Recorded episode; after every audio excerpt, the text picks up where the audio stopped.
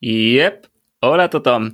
Jo sóc l'Andreu i avui voldria començar donant-vos les gràcies a tots els que ens escolteu i que ens envieu comentaris i preguntes a través de les diferents xarxes socials. La veritat és que és increïble pensar que això que gravem cadascú des de casa seva i en el nostre temps lliure, després ho escolteu vosaltres, la majoria dels quals no us coneixem, però que sabem que hi sou, que esteu repartits per tot el món i que ens feu confiança escoltant-nos episodi rere episodi.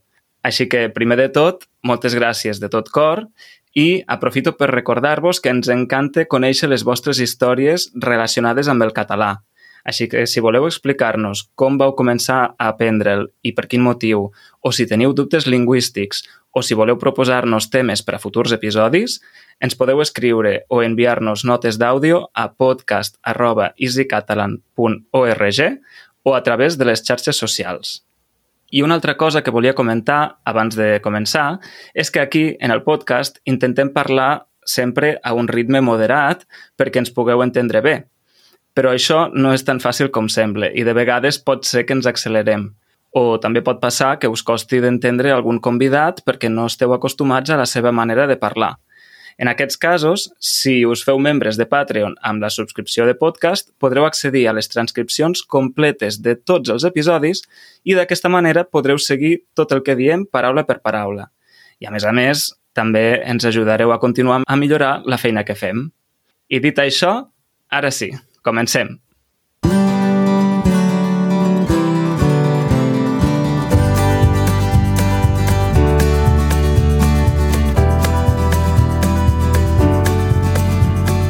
L'episodi d'avui la Sílvia tampoc ens acompanya, però no us preocupeu, que tampoc estaré sol. Avui tinc amb mi la Sara, que és una persona que es va incorporar recentment a l'equip d'Easy Catalan. Bon dia, Sara, com estàs? Hola, Andreu, què tal? Molt bé.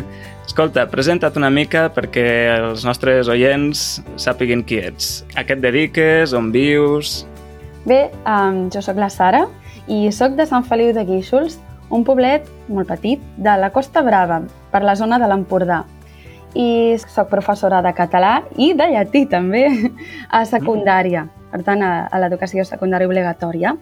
Ara, però, faig de lectora, és a dir, professora de català a França. És a dir, que visc aquí a, a França, a Grenoble, i treballo a la universitat. Uau, molt bé. I quants alumnes tens de català? Doncs aquest any, eh, de moment, en tinc una vintena, 20 alumnes, més o menys, al primer nivell, i estan molt motivats i desitjant començar a aprendre català. Primer nivell vol dir que comencen de zero? De zero, sí. Uau, que bé.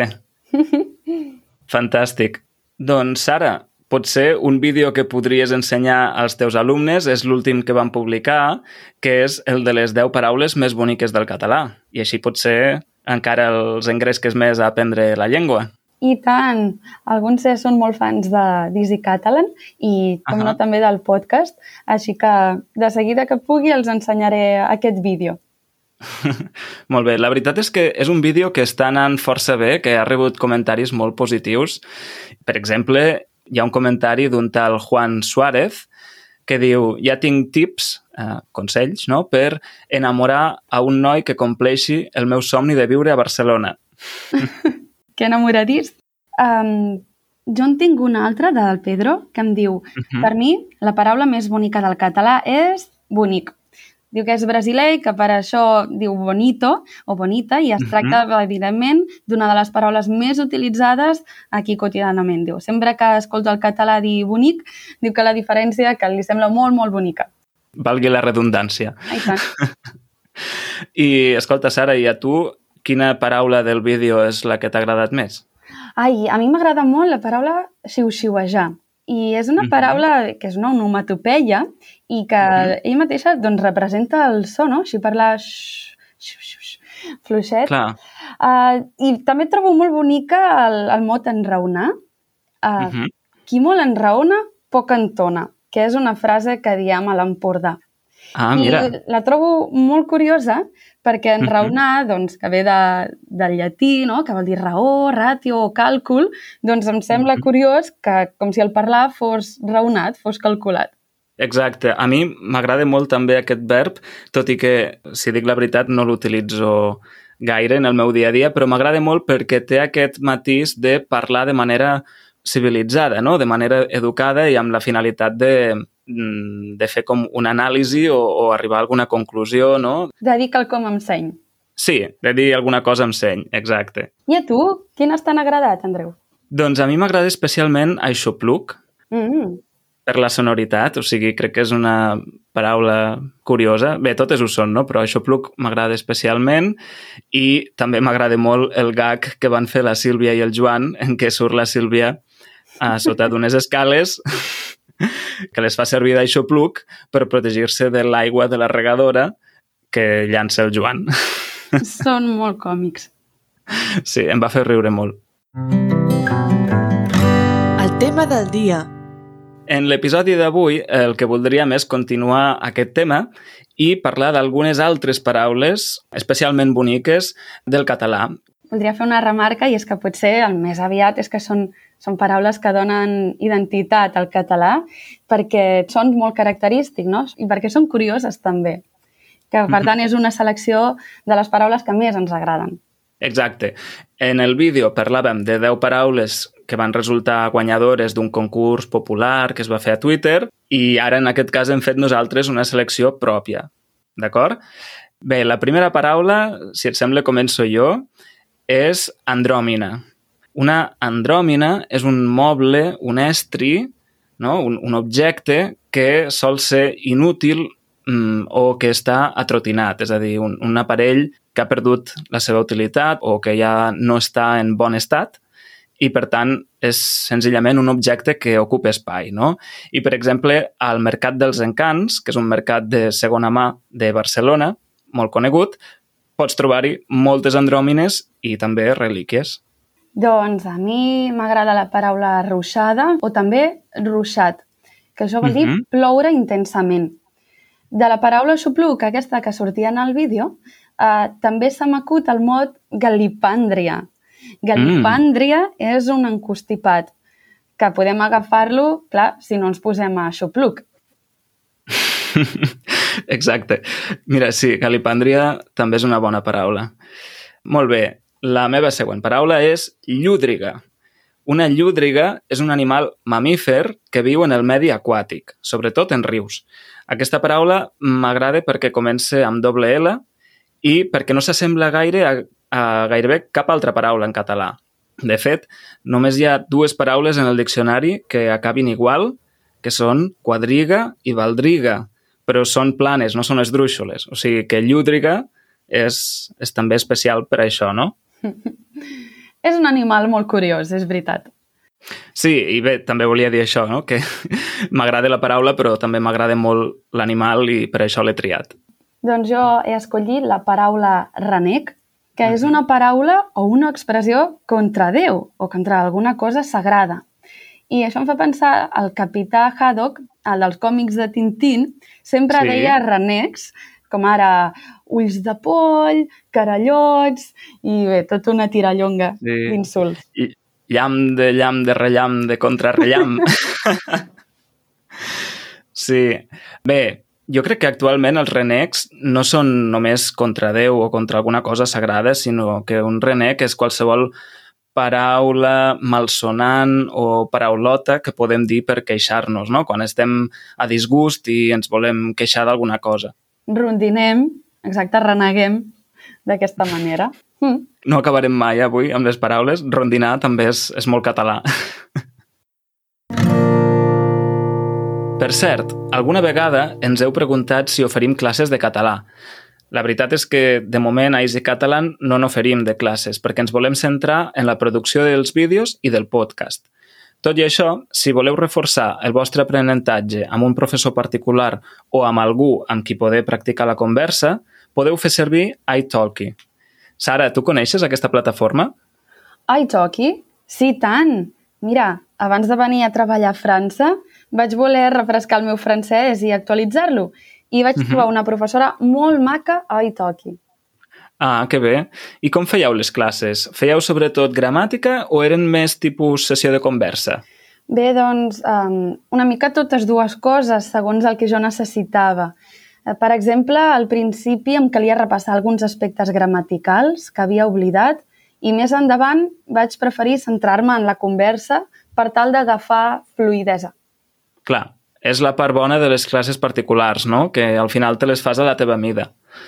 Doncs aquest episodi l'ha patrocinat iTalki i per si us interessa heu de saber que en aquesta plataforma actualment hi ha més de 50 professors de català, així que segur que en podeu trobar un que ofereixi el que voleu.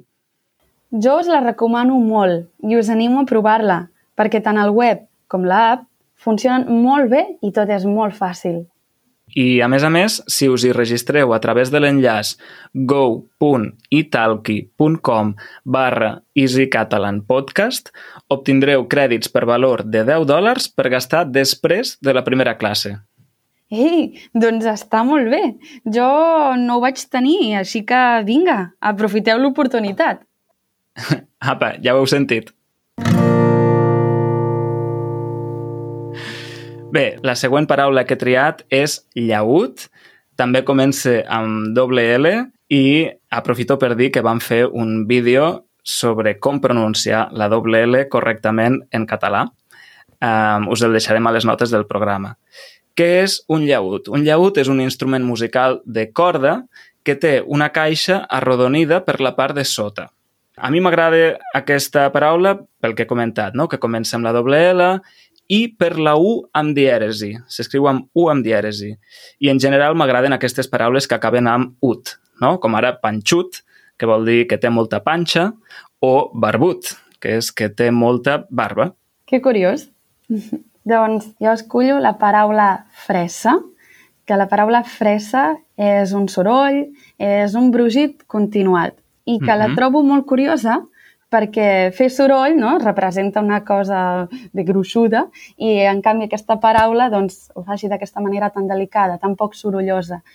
Fressa.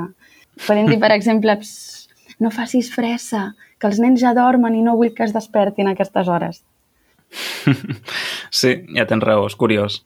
Molt bé, la següent paraula és baldufa.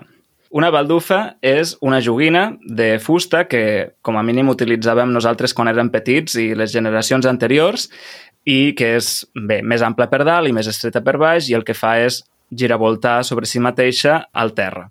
Hi ha una expressió que és fer anar o fer ballar com una baldufa, que vol dir fer anar algú o alguna cosa d'una banda a l'altra. No? Per exemple, en la burocràcia, no? quan t'envien d'un lloc a un altre a portar un paper, doncs et fan ballar com una baldufa. Sí, et fan fer voltes.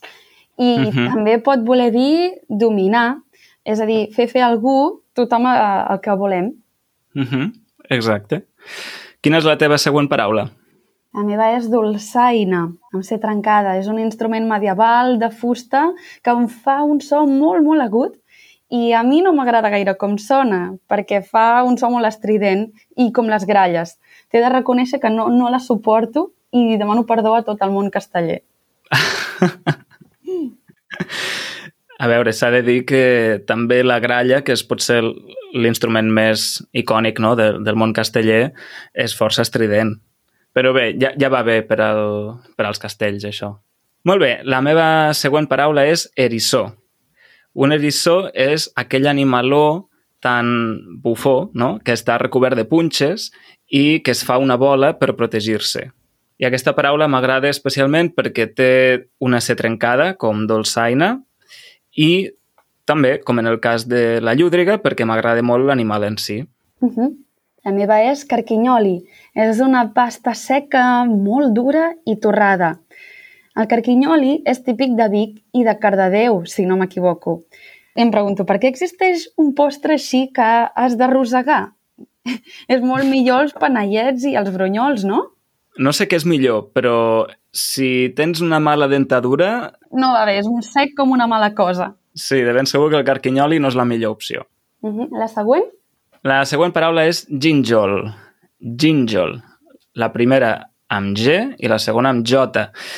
El ginjol és un fruit comestible que molt probablement la majoria de nosaltres ja no sabria ni identificar, però que molts coneixem de l'expressió estar més content que un ginjol, que vol dir, senzillament, estar molt content, molt eixerit o molt alegre.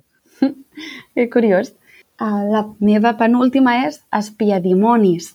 També mm. és un nom per a referir-se a libèl·lula, que és aquell insecte tan llarg i prim que vola a prop de l'aigua. I fixa't, ara faré una mica de professora, que és una paraula composta i que mm -hmm. això és molt característic del català, no? Espia, dimonis, que és un verb en tercera persona del singular i mm -hmm. seguit d'un nom en plural. Doncs mira, sí. sí. És... Aquestes paraules, la veritat és que són molt boniques.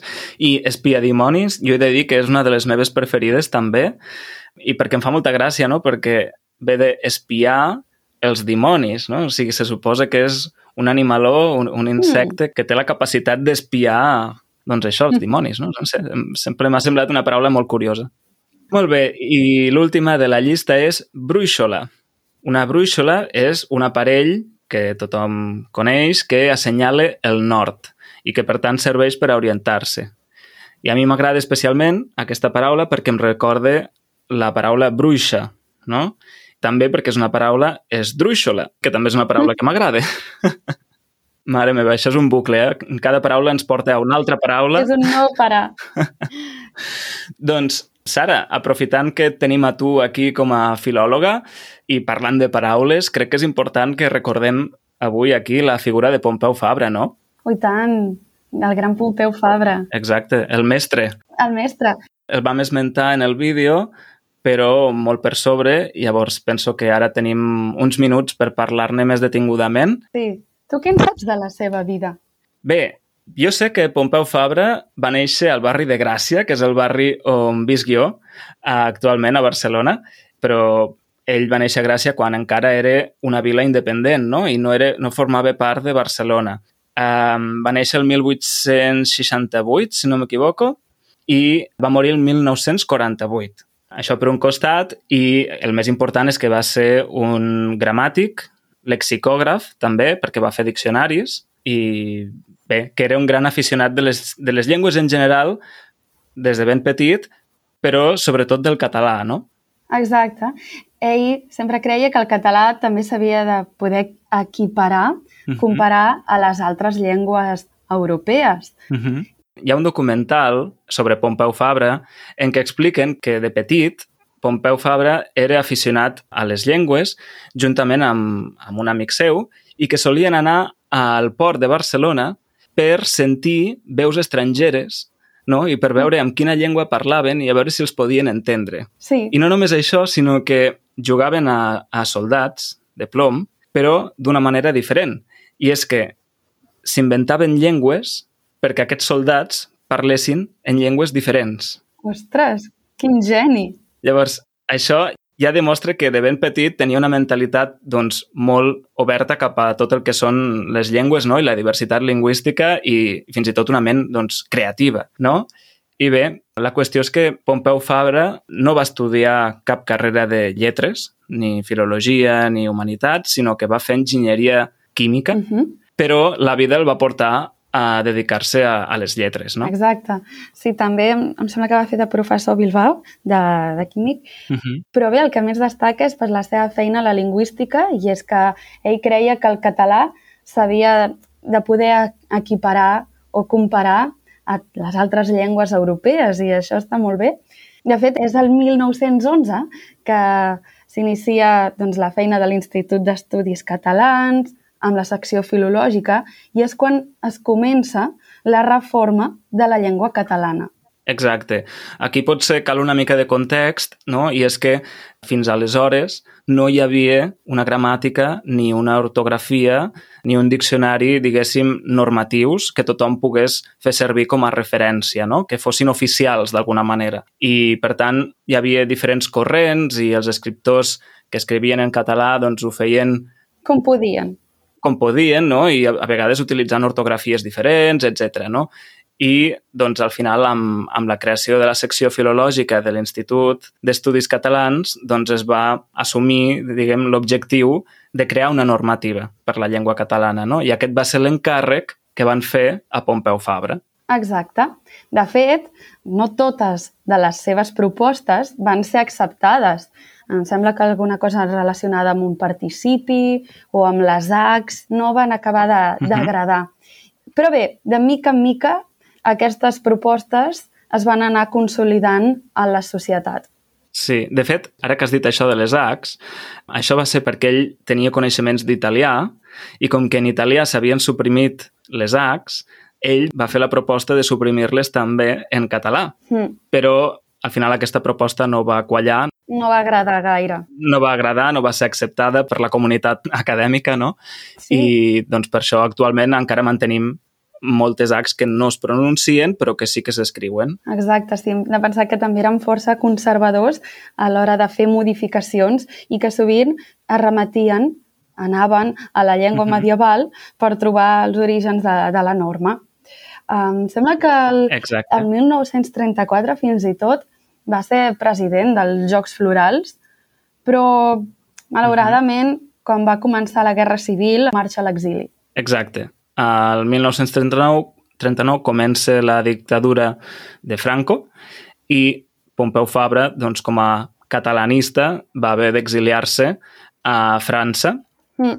i bé, doncs va passar allà la resta de la seva vida i, de fet, va morir a Prada i és enterrat a Prada de Conflent i una dada curiosa és que va voler escriure el testament en català, però per fer-ho va haver d'anar a Andorra, que era l'únic lloc on es podia fer un testament en català, no?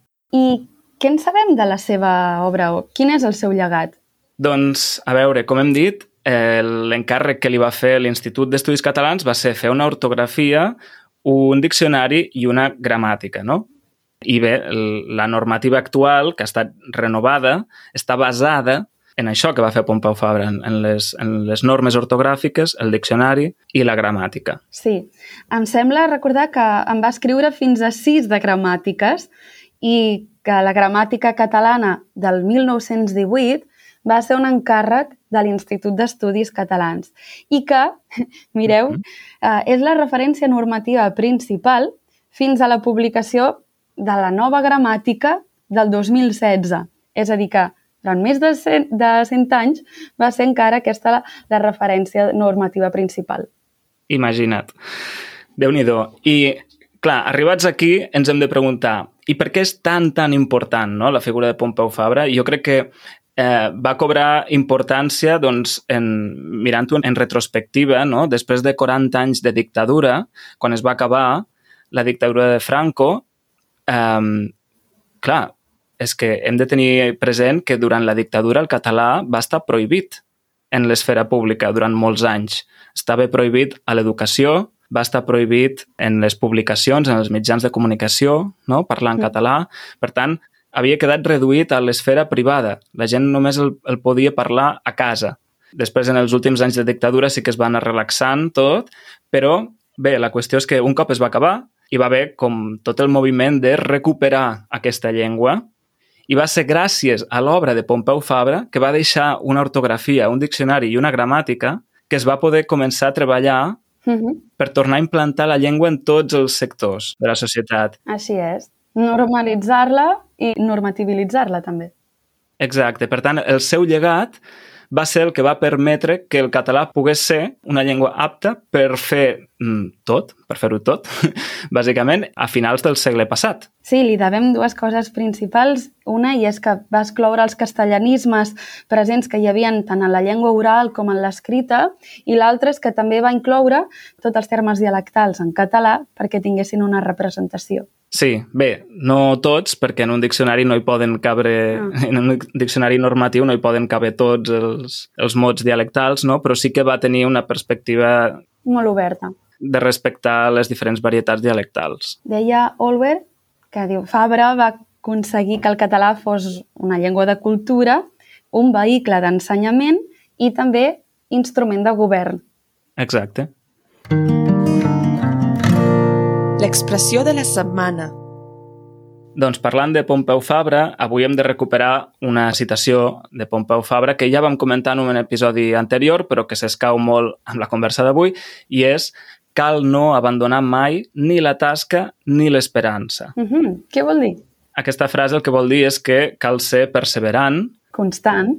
constant, diligent, no? i no abandonar mai la, la feina, treballar contínuament, i tampoc abandonar l'esperança, o sigui, no abandonar, no perdre la fe en allò que creus, no? en, en l'objectiu, en la finalitat que persegueixes. Sí, això la podem aplicar al nostre dia a dia quan volem aconseguir petites metes i ens plantegem objectius a curt o a llarg termini. Doncs sí, és una frase molt bonica.